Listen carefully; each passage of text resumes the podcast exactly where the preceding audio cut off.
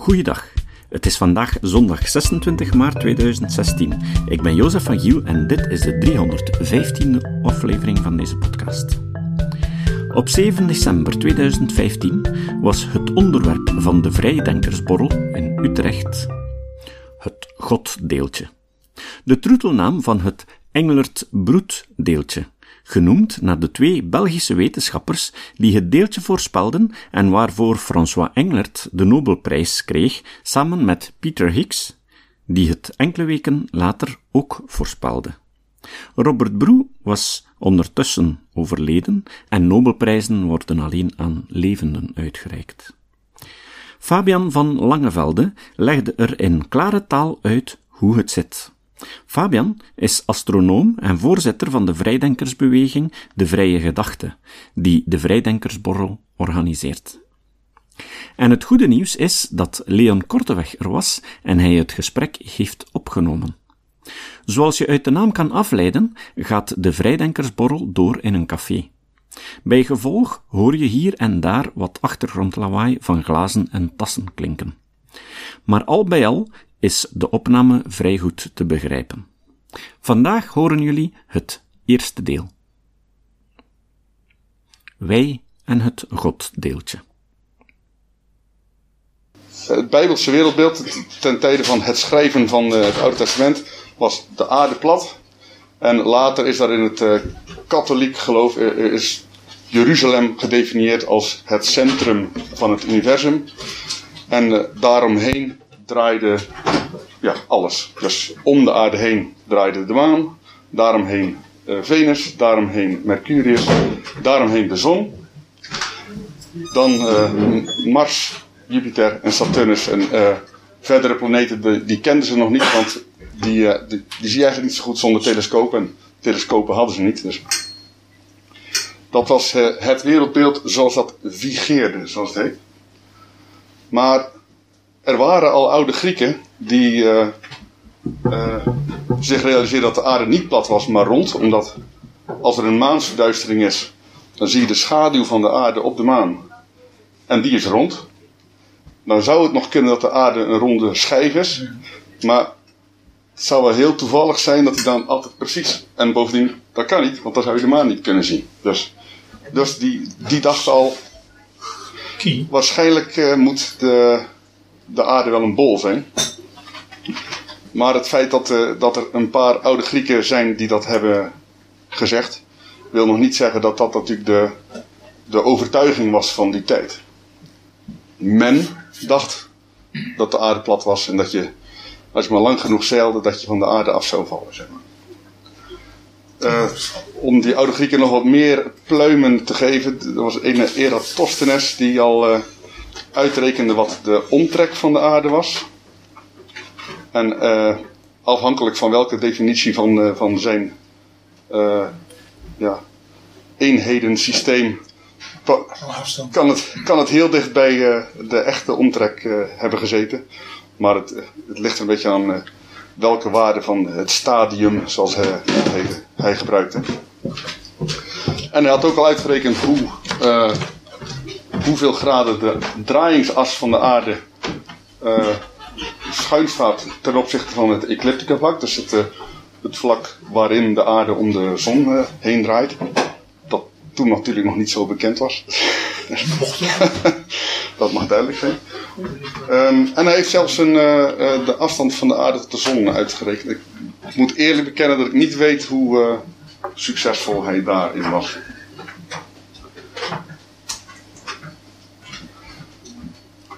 Ja, dankjewel. De katholieke kerk, zoals gezegd, definieert uh, dus officieel, uh, in het begin van de huidige telling, de aarde als plat. Met Jeruzalem in het centrum en de zon en de planeten en de maan die eromheen draaien. Dat is het zogenaamde Ptolemeïs uh, stelsel. Naar de Griek die in de tweede eeuw of zo leeft. En buiten de baan van Saturnus staat dan, staan de sterren, de, de hemelen. En dat zijn gewoon alleen maar vaste, puntvormige lichtbronnen. Dat is uh, hoe het Vaticaan en dus de katholieke kerk de wereld min meer definiëren.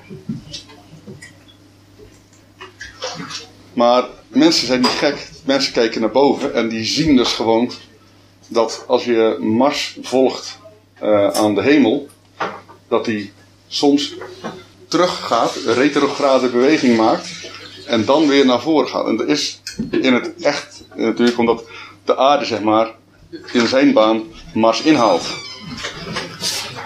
Maar ja, dat konden ze natuurlijk niet verklaren met het uh, geocentrisch uh, stelsel. Maar daarom niet getreurd. Op de perfecte cirkel die Mars beschrijft om de aarde heen, wordt weer een aparte cirkel gedefinieerd, de zogenaamde epicykel, die die, dat, die die beweging aan de hemel verklaart. Maar niet perfect. Maar dat is geen paniek, want op die epicykel definiëren we dan gewoon nog een epicykel. En als het dan nog niet past, dan doen we er nog eentje. En anders nog één. En uh, dit is eigenlijk Fourier-analyse, alleen dan in, uh, uh, in de cirkelvorm. Ik weet niet of jullie Fourier-analyse kennen. Fourier-analyse is, is zeg maar, het optellen van sinusgolven tot je de juiste vorm krijgt. Dus je kunt een hoekgolf kun je definiëren door een hele som van verschillende sinusgolven. Je kunt zelfs een, een vlakke lijn vormen door sinussen bij elkaar op te tellen. Dat kun je dus ook doen in een cirkelvorm door epicycles bij elkaar op te tellen. Net zolang tot je de aarde als middelpunt kunt beschouwen. En de planeten en de maan en zo die eromheen draaien. Het werkt wel, maar het is verrekte onhandig. Dus toen was er een onder de Pool, Copernicus gegeten, geheten, die uh, uh, als, zuiver als rekenhulpje voorstelde: als we nou doen alsof de zon in het midden staat. Dan, dan rekent dat allemaal veel makkelijker. De zon zit in het midden, daaromheen in perfecte cirkels wederom Mercurius, Venus, Aarde, Mars, Jupiter, Saturnus. Kind kan zijn. Uh, hoe die de maan oploste trouwens is nog even een raadsel. Maar, uh, dat heeft hij vlak voor zijn dood uh, in een boek gezet, want hij durfde niet eerder. Want hij was terecht bang dat de, het Vaticaan daar uh, niet dol blij mee zou zijn. Zeg maar. uh, Galileo Galilei die uh, maakte op het model van Huygens zijn eigen telescoop. En in plaats van het voor militaire doeleinden in te zetten, besloot hij eens naar boven te kijken. En daar zag hij dat om Jupiter heen vier manen draaiden. En dan is het dus onmogelijk om het geocentrische wereldbeeld nog uh, vast te houden. Want wat, wat, waarom draait er dan iets om Jupiter? Als alles om de aarde draait, waarom draait er dan iets om Jupiter? Dat kan niet. Dus, dus toen heeft Galileo gezegd: het heliocentrische wereldbeeld is geen rekenhulpje. Dat werkt echt zo. De zon staat echt in het midden. En daar werd de kerk, en niet onterecht, niet gelukkig van, want hoe kun je al die mensen waarvan, die je hebt verteld dat als je maar braaf bent en bidt, dan ga je naar de hemel. Hoe, hoe, moet je die uitleggen dat de hemel daar ineens niet meer is? Dat is gewoon. Uh, dus dat liep uh, op ruzie uit, zeg maar. en uh, Galileo is uiteindelijk tot levenslang huisarrest veroordeeld. En pas in 1992, dat is toch rijkelijk laat, zou ik zeggen, heeft het Vaticaan gezegd: Nou, je had op zich toch wel gelijk. Maar wij ook wel. Ja. Terwijl uh, uh, Galileo in deze strijd uh, verwikkeld was, heel goed, was er in Tsjechië een, een, een astronoom, de rijksastronoom Johannes Kepler, die de Marswaarnemingen van zijn leermeester heeft gebruikt Tycho Brahe. En Tycho Brahe maakte die waarnemingen, hele nauwkeurige waarnemingen van de positie van Mars aan de hemel, om te bewijzen dat de aarde in het midden stond. Hij was daar echt van overtuigd en heeft hele nauwkeurige waarnemingen gemaakt om dat te bewijzen. En zijn leerling heeft zijn waarnemingen quote-unquote misbruikt om te bewijzen dat nee, aarde staat in het midden, de zon staat in het midden. En de planeten bewegen om de zon heen. En niet eens in cirkels, maar in ellipsen. Dus al het, het, het, platonische denken wat, wat uh, de, in de Bijbel heel erg uh, belangrijk was, zeg maar. Dat alles in perfecte cirkels, het idee, ideeënwereld was mooier dan de echte wereld, zeg maar. Maar, maar de planeten bewogen in cirkels. Daarvan zei Kepler, nou, dat is, uh, dat is ook niet waar. Dus het zijn allemaal dingen die het Bijbelse wereldbeeld ont, ontkrachten. Toen kregen we nog zo'n kerel uit Engeland, Isaac Newton. Die bedacht de, de wetten van de, van de mechanica en, en de zwaartekracht. En, en kon met één simpele formule de, uh, de drie wetten van Kepler, de drie wetmatigheden van Kepler moet ik zeggen, gewoon verklaren. Dus ja, dus, uh, toen was het uh, einde van het geocentrisch stelsel echt wel daar. Maar er is nog steeds wel het punt, wat, wat is nou de zon? Want de zon is geen planeet. Dus, maar, wat, maar wat is het dan wel? En het blijkt dus dat, dat ene Anaxagoras, Anaxagoras, of Anaxagoras, daar wil ik vanaf zijn, die suggereert al in uh, uh, 450 voor de huidige telling dat de zon is als een ster van dichtbij of een ster is als de zon van veraf. Maar zoals gezegd, als een Griek dat heeft gezegd, wil niet zeggen dat de Grieken dat dachten natuurlijk. Uh, Giordano Bruno, die jullie misschien wel kennen, die, uh, die beweerde dat ook. Die, uh, die mocht meteen de brandstapel op. In 1600. Precies. En pas in 1838 is een Duitse of Oostenrijkse Friedrich Bessel erin geslaagd met de, de hand van parallax de afstand tot een ster te berekenen. Om even uit te leggen hoe dat werkt. Uh, als je de aarde gaat in, zijn baan om de zon, zeg maar ongeveer 150 miljoen kilometer straal. Dus van hier tot een half jaar later heb je ongeveer een, een basis van 300 miljoen kilometer. Als je dan naar dezelfde ster kijkt, dan zul je zien dat dicht, dichtbijstaande sterren een klein beetje verschuiven ten opzichte van ver wegstaande sterren. Dat heet parallax. En als je weet wat de basis is, kun je aan het, aan het hoekverschil kun je uitrekenen hoe ver de sterren precies staan. En hij is er toen in geslaagd de afstand tot een ster uh, vast te leggen. En daarmee uh, te schatten hoe helder die ster precies was. En dat leek verdacht veel op hoe helder de zon is. En dat was eigenlijk de echte reden dat mensen ervan overtuigd werden dat de zon ook een ster is. Want jullie moeten wel vragen stellen, want anders ben ik echt in 20 minuten tom. En, uh... Doe het. Dus ze zeiden van, het lijkt wel verdacht veel op dat de zon een ster is. Weten we nou ook dat de zon een ster is? Of vinden we nog steeds dat het wel verdacht grote kans is dat de zon een ster is? Uh, of dat die ster een zon is, maar dan verder weer. Ik, ik weet het wel. we doen het nu ook. Zeg eens maar wat de zon is dan. Dat is een... Wat de zon is? De zon is een klasse G-ster. Uh, ja. Maar dat weten we zeker. De zon is een ster. Ja. En wat gebeurt er in de zon? Het is de meest eenvoudige verklaring. Ja. Ja, nou, we, zijn nog niet bij, we zijn nog niet bij andere sterren geweest natuurlijk. Nee. Precies. Uh, het was ook wel heel erg grappig. We hebben een, uh, omdat het lichtjaar eigenlijk een beetje onhandig kort is. zeg maar, hè, dus wat is het? 9 biljoen kilometer. Kunnen we niks mee. Veel te kort. Dus hebben we een langere maat uh, gedefinieerd. De parsec. Dat is namelijk de afstand waarop iets zou moeten staan om één parallax seconde te verschuiven. Hè, in die methode die ik net uh, noemde. En het grappige is dat er geen sterren staan binnen een parsec. De dichtstbijzijnde ster is nog steeds 1,3 parsec hier vandaan. Alpha Centauri, 4,3 lichtjaar.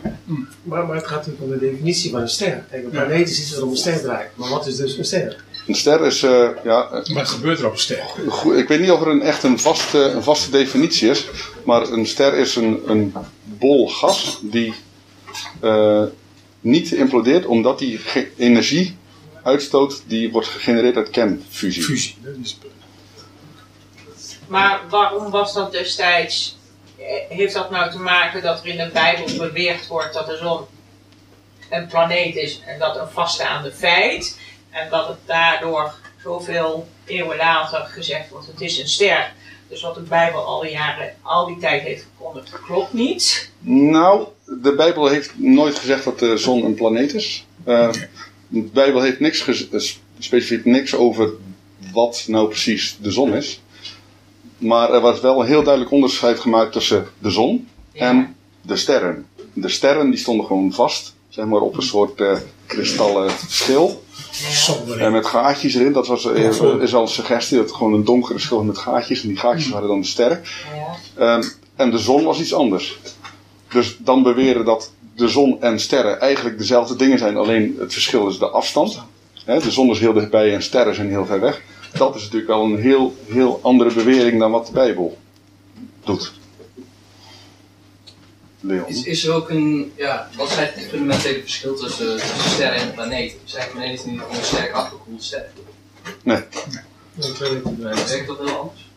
Ja, nou, het is op zich, op zich een leuke vraag, want eh, er bestaat een, eh, een klasse sterren, dat heet de bruine dwerg.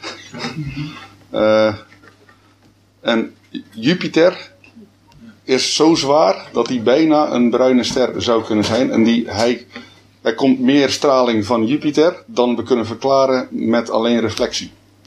Dus het lijkt er wel op dat Jupiter al een klein beetje straling aan het genereren is, zeg maar. In elkaar. Maar de definitie is eigenlijk dat. eh, eh, ja, een hele goede vraag. Eh, een planeet draait om een ster. Maar wat doe je dan met, eh, met dubbelstelsels? Want 50% van de sterren zit natuurlijk in een, in een dubbelstelsel. Ja, dan zou je kunnen beweren dat de ene ster een planeet is van de ander. Maar het, het kenmerkende verschil is wel dat sterren dus gewoon straling genereren en energie creëren door kernfusie. En planeten zijn doorgaans gewoon ja, koude, koude stukken rots, Materie. zeg maar. Of, of, of gas. Ja, Maar van binnen zijn ze wel warm, dus hoe je dat dan? nou, dat is niet omdat, ze, omdat ze nog aan het afkoelen zijn. Ja. De aarde is gewoon een ster met een korst erop. Nee, nee, Nee. nee. nee, nee, nee. Nee, bovendien, de, kern, de kernfusie die plaatsvindt in het centrum van de zon is natuurlijk waterstofkernen, eh eigenlijk deuteriumkernen als we specifiek willen zijn, die, die fuseren tot helium. En het- het centrum van de aarde is bepaald geen waterstof. Nee, is ijzer vanavond. IJzer, ja, precies. Dat vermoeden we. Ja, die is een ijzer. ook daar zijn we nog nooit geweest. Ja, dat is veel ijzer. Gelukkig maar. Kijk maar, nou zijn we aan het Het is, toch, praten. het is toch ook zo dat zeg maar, het verschil tussen een planeet en een ster voor de leek eh, ook zo is dat een ster zeg maar, een miljoen keer zwaarder is dan een planeet. Ja, nou hebben ze wel. Het is natuurlijk heel moeilijk om eh, planeten te ontdekken buiten het zonnestelsel. Dus de planeten die we als eerste hebben ontdekt, waren dan typisch weer hele grote planeten. zeg maar, die je dan ontdekt omdat ze zo zwaar zijn dat ze de, de ster een klein beetje heen en weer trekken. Want ja, Ja, dus we zeggen wel planeet. of zo, Dus- dus, ja, heel weinig. Ja, maar, het is- Dus maar zijn dus we zeggen wel dat de planeet om de zon heen draait, maar eigenlijk draait, draait de zon en de planeten draaien natuurlijk om een. Om een, om een, nee, om een eh, centrum van, eh, van eh, massa heen, zeg maar. Maar waarom was, ik vraag me nog steeds af, waarom was dat destijds zo schadelijk of zo anders dat men daar een brandstaat op kreeg? Ja, Dan kun je heel ja, gauw dat, dat, dat, eh, dat is een hele goede vraag. Dat, men was dus heel erg, het was gewoon ketterij. En op ketterij eh, stond gewoon de doodstraf. En als je daar nou Bruno werd niet alleen maar veroordeeld op de brandstapel omdat hij dat had gezegd. Nee, nee, nee, maar Nou, er waren ook al allerlei theologische meningsverschillen. ongetwijfeld. Maar, eh, maar eh, Galileo Galilei kreeg wel huisarrest omdat hij zei dat eh, de aarde om de zon draaide. Ja, maar hij moest het wel een beetje mitigeren, want anders mocht hij niet in leven blijven. Hij moest zeggen dat hij er nooit meer over zou praten. Ja, ja. Ja, ja. En hij heeft een, een boek geschreven dat, dat- waarin hij zijn theorie wel uitlegde, maar Ja. het is alleen maar een theorietje. Hè? Hij heeft daarna trouwens ook hele leuke dingen gedaan met wiskunde. Dus Ja. Oké. Ja, en hij zei heel stiekem. En En toch. toch beweegt ze. Dat is. Dat, Ja, een ja, apo- ja. dat heb ik dus vandaag ook nog gelezen. Dat is een apocrief verhaal. Ja, natuurlijk. Maar het, eh, het wordt allemaal nog eh, erger. Eh, Want eh, begin 20e eeuw ontdekken min of meer tegelijkertijd Lemaitre, een, een Belgisch priester nota bene, en, eh, en Hubble, dat eh, wat, wat, ze, wat bekend stond als nevels, sterrennevels, eigenlijk gewoon sterrenstelsels zijn, en dat die, en dat die met grote snelheid van ons afbewegen. En ze ontdekken ook dat hoe verder een sterrenstelsel staat, hoe sneller hij bij ons vandaan gaat. Dan ben je dus geneigd, wij staan stil en alles beweegt bij ons vandaan. We zijn lekker toch het centrum. Maar zo werkt het niet, want als je, als je zeg maar, een ballon zou maken met, met stippen erop en je blaast die op, dan bewegen ten eerste alle stippen van elkaar vandaan. En stippen die verder weg staan, gaan ook harder bij je vandaan dan stippen die dichtbij staan. Dus de redenering, dan zijn wij dus het centrum. Dat is niet waar. Tenzij je zegt, ja, alles is, komt uit één punt. Dan zijn we allemaal het centrum, zeg maar. En dat is eigenlijk ook waar ze op uit zijn gekomen. Dat heet dan eh, de Big Bang Theory. Eigenlijk, Lemaitre noemde het eh, iets met een kosmisch ei. Kosmisch ei dat uitkwam. Eh, en maar Fred, Fred Hoyle, die, die noemde het zeg maar als grap de, en als belediging ook de Big Bang Theory. En zo kennen we hem nog steeds. En Fred Hoyle die heeft trouwens tot 2001 geleefd. En heeft al die tijd in een steady state heelal geloofd. Dus eh, terwijl er al eh, achtergrondstraling, dit, dit is zeg maar een plaatje van de Kobe-satelliet. Dit is de achtergrondstraling, dat is eigenlijk zeg maar het bewijs dat de Big Bang echt heeft plaatsgevonden. Dit is de 3, 3 Kelvin achtergrondstraling. Wat zien we daar dan? Wat is dat? Ja, dit, zijn temperatuurverschillen. zeg maar.